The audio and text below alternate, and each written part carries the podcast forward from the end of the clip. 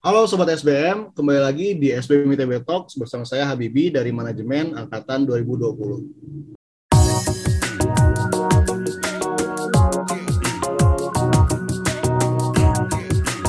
Hari ini aku sangat bersemangat karena kita kedatangan tamu seorang tokoh yang aktif di dunia startup bisnis. Beliau adalah alumni MBA ITB, co-founder CEO Kuasa, dan director di Startup Bandung. Langsung aja, ini dia Grahadia Kusuk. Halo Kak Dea, makasih udah ada di sini. Halo, halo, halo, selamat malam. Terima kasih sudah menghadirkan Langsung aja mungkin pertama biar Sobat SBM di sini bisa lebih kenal dan paham dengan konteksnya kita bakal ngomongin apa nih. Kita bisa mulai dengan kenalan dulu siapa Kak Dea, kesibukannya saat ini, dan hubungannya sebagai alumni MBA ITB. Ya, eh, jadi gue alumni, saya alumni MBA ITB tahun 2008 masuknya. 2008 masuk MBA ITB, eh, S1-nya kebetulan HI, HI Unpar, S2-nya ambil MBA ITB, sempat kerja dulu di IT di Jakarta. Jadi sempat gue jadi corporate slut gitu ya, uh, hampir tiga tahun di Jakarta. Namanya perusahaannya sama Ecosystems, dia yang bikin Java, MySQL, server-server gede-gede, segede-gede apa tuh uh, kulkas gitulah.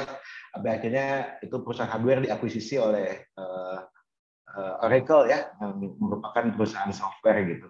Akhirnya gue cabut balik ke Bandung, ambil S2, S2-nya di ITB. Terus kebetulan semenjak 2010 itu tuh bikin perusahaan software audio, uh, pro audio software namanya Kuasa. Kuasa itu apa? Dia bikin software uh, audio, pengolah audio, pengolah musik dan segala macam efek-efek gitu-gitu.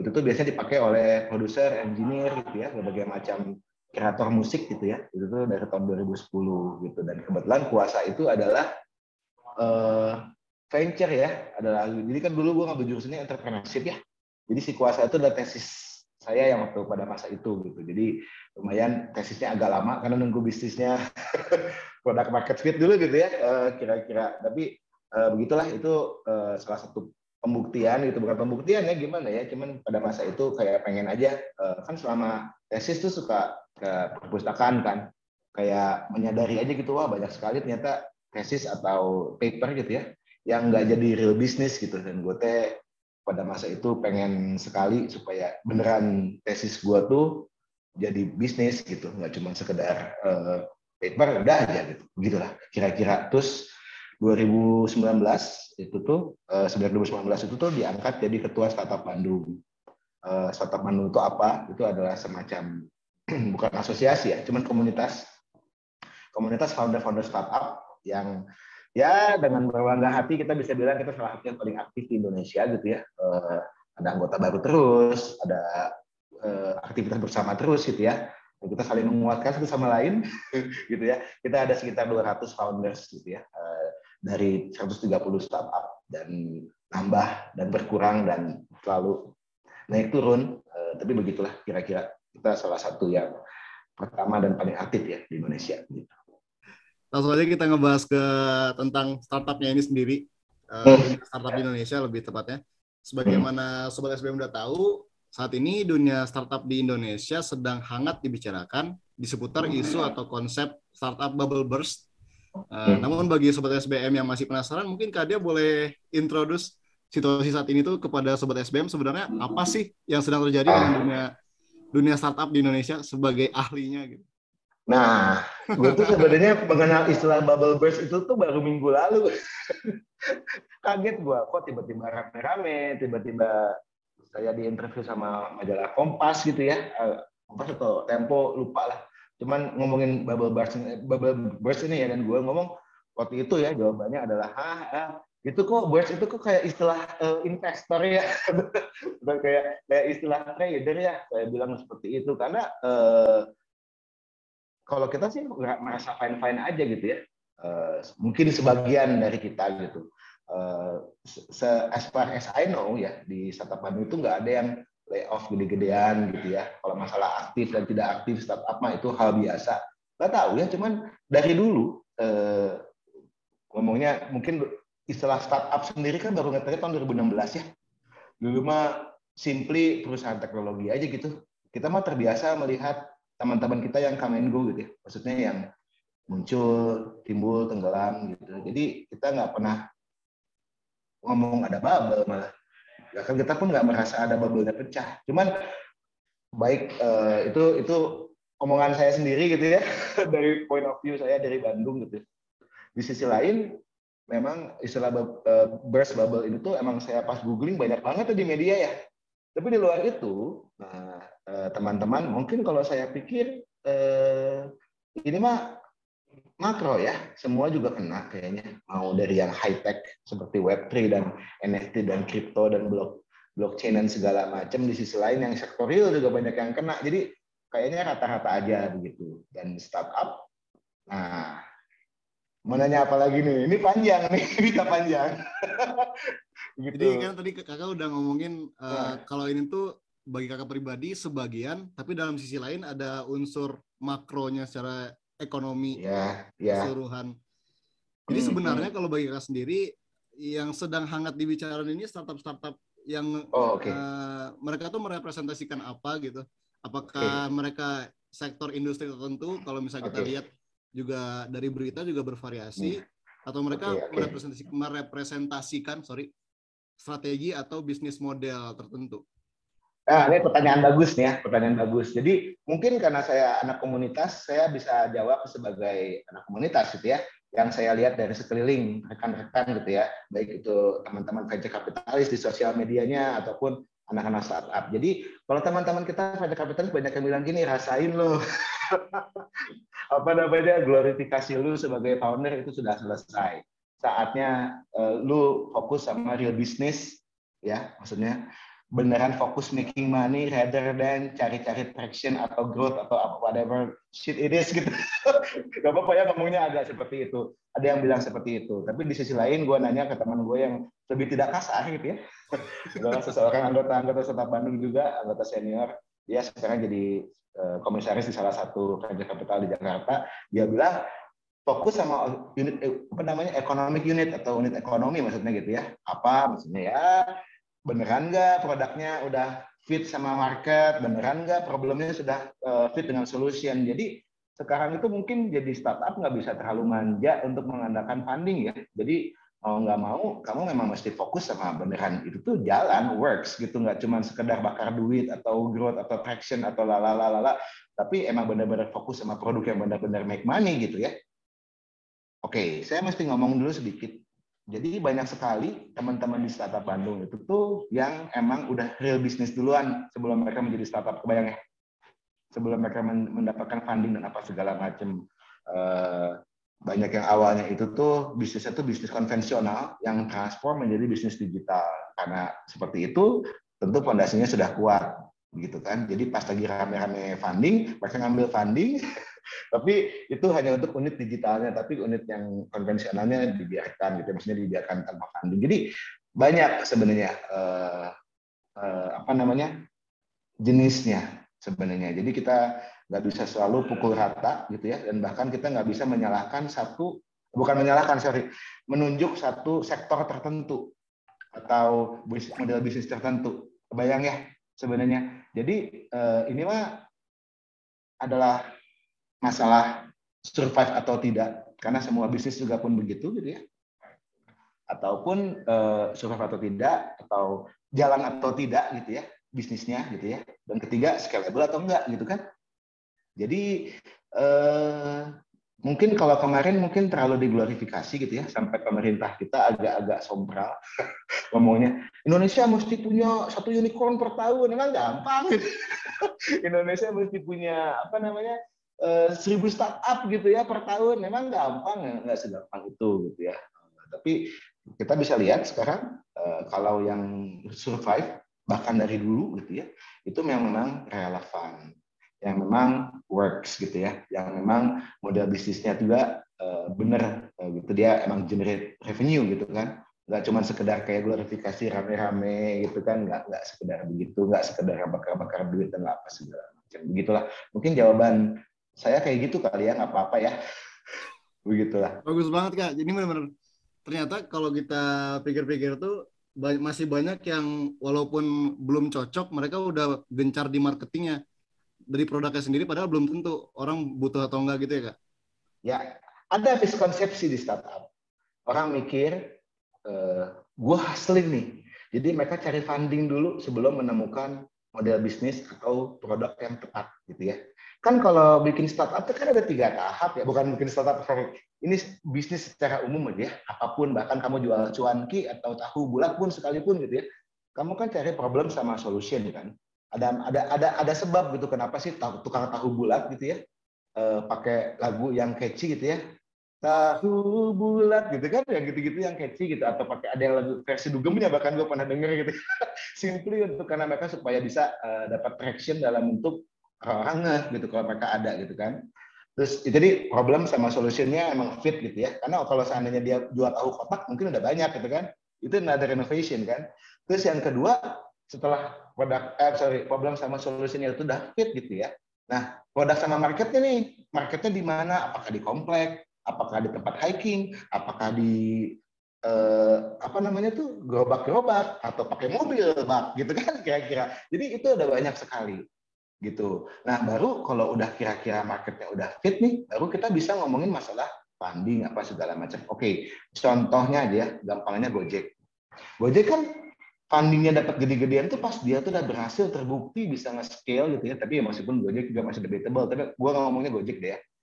Gojek itu bisa dengan mudah ya dari Gojek menjadi GoFood, menjadi GoMassage, GoCar, Go apalagi apa apalagi apalagi gitu kan banyak sekali ya. Ada sampai ke GoPay sampai ke GoPay later dan segala macam simply karena bisnis model yang utamanya Gojeknya sendiri GoRide-nya sendiri itu works. Kebayang ya? Dan itu make money at least gitu meskipun masih bakar-bakar duit. Tapi ya argumennya karena eh, kalau Gojek itu nggak bakar duit, nggak dapat market domination, itu bakal di tahu nggak sih dulu sempat ada namanya Blue Jack atau apalah ada ajek banyak startup startup yang ada go apa sih gojek gojekan gitu. Dulu tuh banyak gitu ya. Uh, mau nggak mau uh, gojek mesti menjadi too big to fail kan.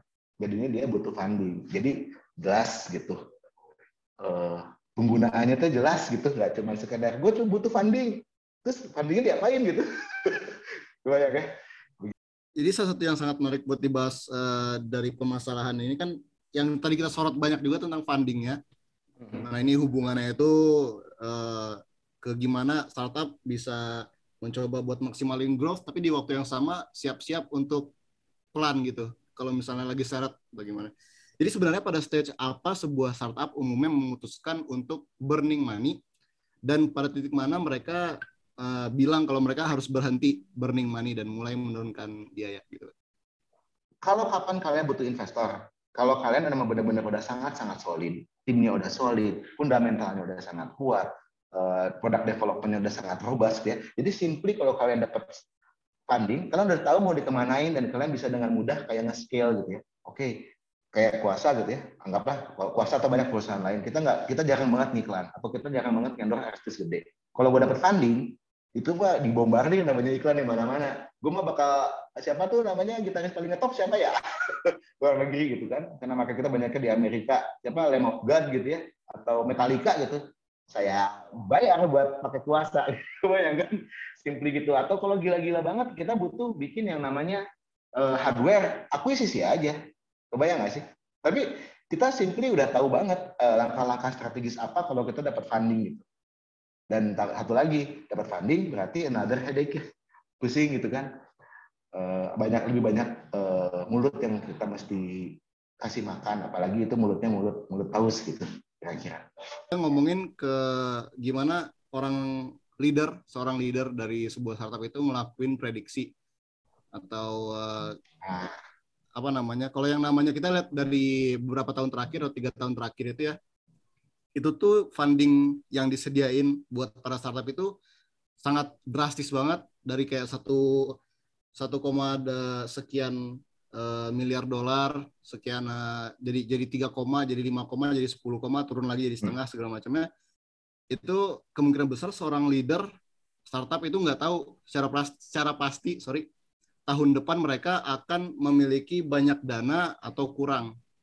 Nah jadi uh, apakah harus kejar growth atau sustain karena kemampuan mereka prediksi juga sangat terbatas. Uh, yang mungkin mau ditanya adalah itu gimana pendapat kakak sebagai uh, leader juga mungkin di startup kuasa ini? Ya, jadi ya simply ya uh, history mah repeat itself ya, begitu.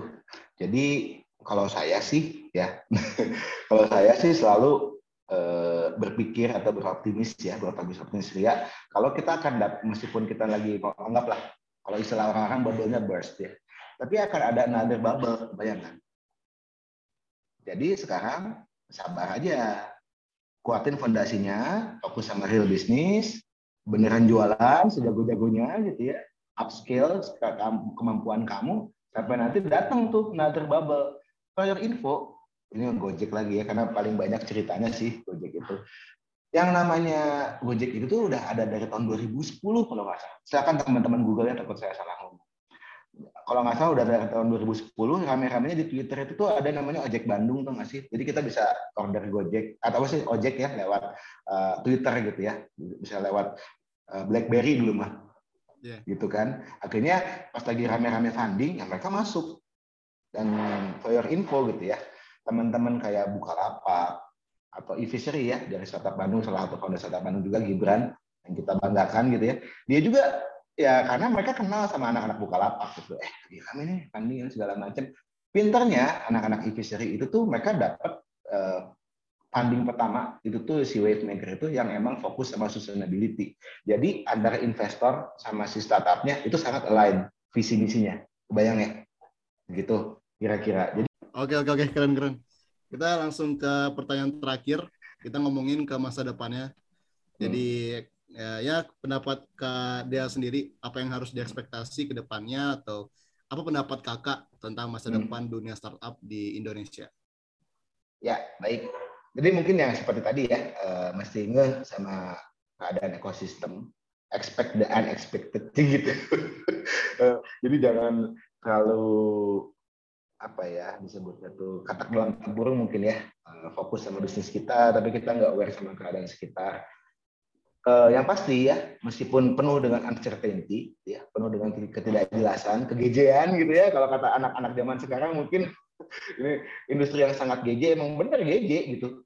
Kalau kalian googling deh startup, nggak ada yang dengan jelas menjelaskan definisi startup itu apa. Tapi it repeats itself gitu ya, maksudnya kayak zaman dulu dan kita kita bisa lihat siapa yang winner, siapa yang loser gitu. Mungkin yang losernya itu ada berjuta perusahaan yang mati, tapi ada winner-winner kecil-kecil kayak yang masih relevan sampai sekarang. Tapi jangan jauh-jauh lah, kayak IBM, Microsoft. Jangan jauh-jauh deh. Dulu ada Nokia. Ingat nggak pakai Nokia? Akhirnya dibelinya sama siapa? Sama Microsoft gitu kan. Terus ya, perusahaan saya dulu tempat kerja, Sun dibelinya sama Oracle gitu. Perusahaan software tuh makan perusahaan hardware zaman sekarang mah gitu. Nggak tahu di masa mendatang apa apakah perusahaan Web3 gitu ya apakah perusahaan kripto gitu ya atau perusahaan NFT gitu ya atau malah seniman yang beli perusahaan teknologi kita nggak pernah tahu. Cuman ya eh, siapkan diri kalian gitu ya dan eh, aware lah dengan historical dan apa namanya keadaan sekitar gitu ya. Nanti tinggal moment kalau mau nggak mau ya kalau kalian pengen benar-benar eh, jadi gini kalau kalian melakukan bisnis yang biasa-biasa aja ya mungkin lajunya ya gitu aja nih kadang-kadang gini kadang gini gini. Cuma kalau kalian pengen emang jadi market leader gitu ya mesti berani leapfrog seperti itu. Ngambil resiko untuk kalah gitu ya. Ngambil resiko untuk kalian jadi dapat funding juta-jutaan dolar terus tiba-tiba besoknya jadi gembel gitu ya. Mesti berani kayak gitu gitu. Karena eh, dari situ nanti akan muncul talent talent baru bayang ya ekosistem yang seperti ini mah kita mesti bangun bersama-sama aja karena kita nggak pernah tahu nanti akan jadi apa gitu. Nanti akan di solve muncul lagi kayak Phoenix. Mungkin terlalu puitis ya, tapi itu benar kejadian gitu.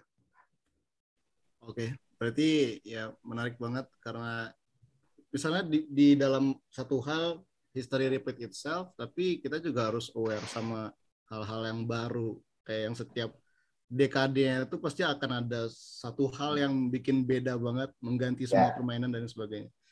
Yeah. Jadi uh, masalah growth sama sustain itu bukan bukan satu masalah yang kayak ada benar atau salah atau ada benar kapan ada benar kap, uh, kapan nggak harusnya ujung-ujungnya itu case per case. Jadi ya. Uh, ya itu menarik banget buat dibahas. Ya, satu lagi, uh, jangan percaya ya, nggak ada yang orang kaya cepat. Kecuali dia melakukan sesuatu yang ilegal. Kebayang ya. Jadi jangan liga aja terus. Oke oke. Ini ini kalau kalau mungkin kita bahas yang ini yang ini tuh boleh di boleh di luar ini lagi nggak diartikulasi lagi maksudnya kayak cepat itu mau dia dari segi perusahaannya atau gimana? Enggak, maksudnya uh, kadang-kadang kan sempat ya kita kan terdistrek ya bu ya teman-teman banyak yang terdistrek kadang-kadang gitu ya sama ngelihat uh, fenomena teman apa namanya influencer-influencer yang kayak mendadak gitu ya. Ya percayalah itu tidak kejadian gitu. Soalnya kalau yang saya tahu teman-teman saya sesama founder ya meskipun dia fundingnya udah jutaan US dollar gitu ya udah sampai unicorn pun mobilnya masih biasa-biasa aja. Uh, ya itulah realita gitu ya. Uh, mungkin mereka pernah mengalami berbagai macam kegagalan, bahkan mungkin mereka bisa gagal tahun depan atau bulan depan bahkan atau fundingnya selesai, tapi mereka willing to take the risk gitu ya. Dan mereka berani gagal. Kalau saya pikir itu masih diselebrate. Yang mesti diselebrasi itu justru bukan jumlah funding yang gede-gede atau apa namanya kayaknya tuh orang gitu ya tapi berani beraninya dia dia untuk untuk untuk uh, develop gitu ya Liprop ngambil resiko yang gede bahkan untuk dia supaya bisa gitu ya mengubah landscape bisnis gitu. Satu ketika ada teman saya yang wah tuh lu lihat deh foundernya lapak aja pada mundur gini-gini segala macam malah kerja di telkom apa segala macam wah kata gue nggak gitu lah kalau gue ya saya bilang gitu. Kalau gue ada punya satu persen ada chance untuk jadi market leader gitu ya untuk dominate the market gitu untuk menjadi sebesar name it lah apa Google gitu gue mah ambil dah. Gitu. Gue bakal ambil gitu meskipun uh, cuma satu persen chance-nya daripada nggak sama sekali daripada jadi hamster gitu kan keliling di gitu lah begitu iya, kira-kira iya. oke deh kak kayaknya kalau pembahasannya sebenarnya udah udah sampai di sini aja ya. uh, kayaknya dan ini pembahasan yang menarik banget uh, banyak banget yang aku baru pelajarin uh, aku mau ngucapin terima kasih banyak kak Dea buat kesempatannya uh, penjelasannya dan uh, energinya malam ini. Uh, semoga ke depannya bisa menjalin hubungan uh, selalu dengan SBM ITB dan saya dan sebagainya. Nah, menarik banget nih Sobat SBM. Tadi kita udah bahas tentang startup bubble burst yang lagi dibicarakan di dunia startup Indonesia. Konsep bubble burst, kondisi ekonomi makro yang sedang mempengaruhi, dan kondisi startup terdampak di Indonesia yang berbeda-beda kita belajar tentang permasalahan funding dan bagaimana seorang leader startup bisa approach ketidakpastian pendanaan. Kita juga bahas gimana di masa depan leader harus aware terhadap sejarah dan di waktu yang sama expect bubble baru, kesempatan baru, dan ancaman baru yang akan datang di masa depan.